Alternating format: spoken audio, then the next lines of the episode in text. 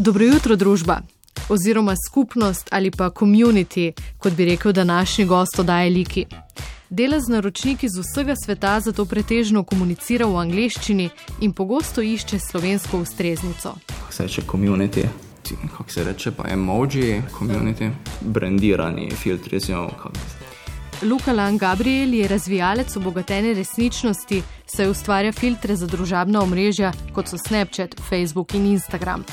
Filter je vizualna dimenzija, ki v resničnosti ne obstaja, a se pojavi na zaslonu telefona in obogati realnost. Posamezniku lahko z uporabo fotoaparata, naprimer, dodamo pasja ušesa, ko odpre usta, pa se iz njih iztegne pasji jezik. Nad tovrstnimi popestritvami so navdušeni uporabniki, magister računalništva pa se je odločil, da jih bo kar ustvarjal. Ja, jaz mislim, da sem imel že kar nekaj časa željo po bolj kreativnem delu. Ampak te priložnosti do zdaj pač nikoli nisem našel. In ko sem odkril to, ki zajema na eni strani programiranje, na drugi strani pa tudi vizualno oblikovanje, se mi je zdelo to nek popoln miks 27-letni programer je v Ljubljani končal dodiplomski študij programiranja, na to nadaljeval z magisterijem na švedskem in nizozemskem. Tam je imel tudi službo, ukvarjal se je z obdelavo tridimenzionalnih medicinskih posnetkov. Nekega dne je na spletu zasledil filter za družabna omrežja in se odločil, da izdela svojega. ki je bil dobesedno samo krogla, ki je lebdela v zraku in ni počela absolutno nič. In meni se je zdelo že to zelo fascinantno.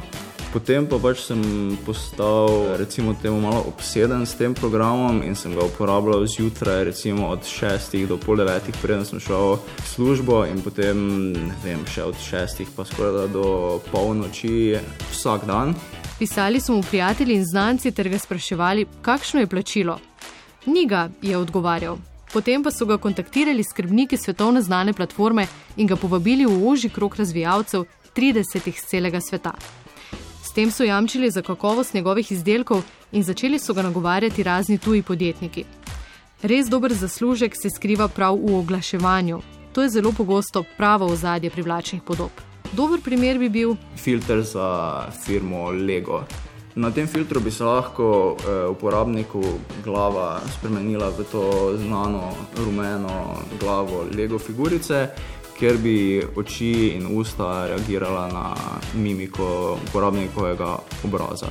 Če se še zraven na ta filter, ki je nalepi kak majhen logo, je to recimo primer dobrega znamčenega filtra. Luka Lan Gabriel to počne za različne naročnike, v prostem času pa razvija filtre za javnost. Take, ki so namenjeni prosti uporabi in ne oglaševanju izdelka, osebe ali storitve. Eden od njih, pri katerem uporabniku iz ust rojijo čustvenčki ali nanj padajo z neba, je dosegel že več kot 860 milijonov ogledov. Kljub temu, da je mladi računalničar veliko pred računalnikom, pa zagotavlja, da ima tudi povsem običajne koničke. V prostem času se rad družim s prijatelji. Kje? U, rad igram ta rok na poštni ulici v Mariboru.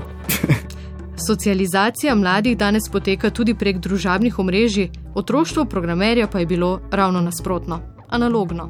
Ja, definitivno nisem odraščal z mobilnim telefonom. Okay, prvi mobilni telefon sem dobil v 8. razredu osnovne šole. To se mi je takrat zdelo kar hitro, da sem mogoče en izmed prvih celo, ki ima nek telefon. A ja, pa že barvni zaslon je imel, to je bilo tudi kar kul. Cool.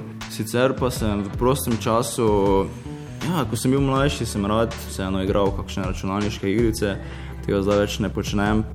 V otroštvu in mladosti je imel veliko koničkov, vse čas je iskal dejavnost, ki bi ga pritegnila. V osnovni šoli sem najprej treniral rokomet, potem pel sem pri Karmini Sloveniki, potem sem se kmalo začel ukvarjati z glasbo in sem igral bobne. V srednji šoli preklopil na musical na drugi gimnaziji. Mislim, da moje druženje ni v taki meri potekalo preko digitalnih kanalov, kot je to pri mladini danes. A vendar, Luka Lan Gabriel ima na Instagramu 2 milijona in pol sledilcev, s čimer se uvršča v sam vrh najbolj priljubljenih slovencev. Denimo ob bok Luki Dončiću in Melaniji Trump. Spletnemu druženju sledilci se torej ne more izogniti, čeprav v njem ne uživa preveč. Če sem čisto iskren, predvsem Instagram uporabljam z nekim manjšim odporom. recimo, ok, 10 minut, da pregledam, kaj so prijatelji objavili in to zelo tako v bistvu površno povšečkam bolj ali manj vse, kar je od prijateljev. Na tej točki mi ta način komunikacije, recimo s prijatelji, ne pomeni tako veliko, kot če se dobimo na pijači in mi povejo vse o tem, kako so se imeli na morju ali pa na kakem koncertu. To mi je dosti ljubše. Mladi razvijalec obogatene resničnosti se ne rad izpostavlja z deljenjem svojih fotografij. To izpostavljanje samega sebe mi ni nekaj spontanega, ni nekaj naravnega. A je zdaj na nek način to tudi njegovo delo? Pravi, da na družabnih platformah še vedno prevladujejo lepe fotografije. Vse veste, na Instagramu ni kislega vremena ali kislih obrazov. Taki so po večini tudi filtri, ni prav veliko prostora za samo ironijo s popačenjem fotografije uporabnika v taki dobi pač živimo. Kaj pa vsem skupaj mislijo tisti, ki so odraščali in ustvarjali v drugih časih? Luka Lan Gabriel pravi, da stari starši ne poznajo narave njegovega dela, a z njimi pri kosilu z veseljem deli svoje zamisli.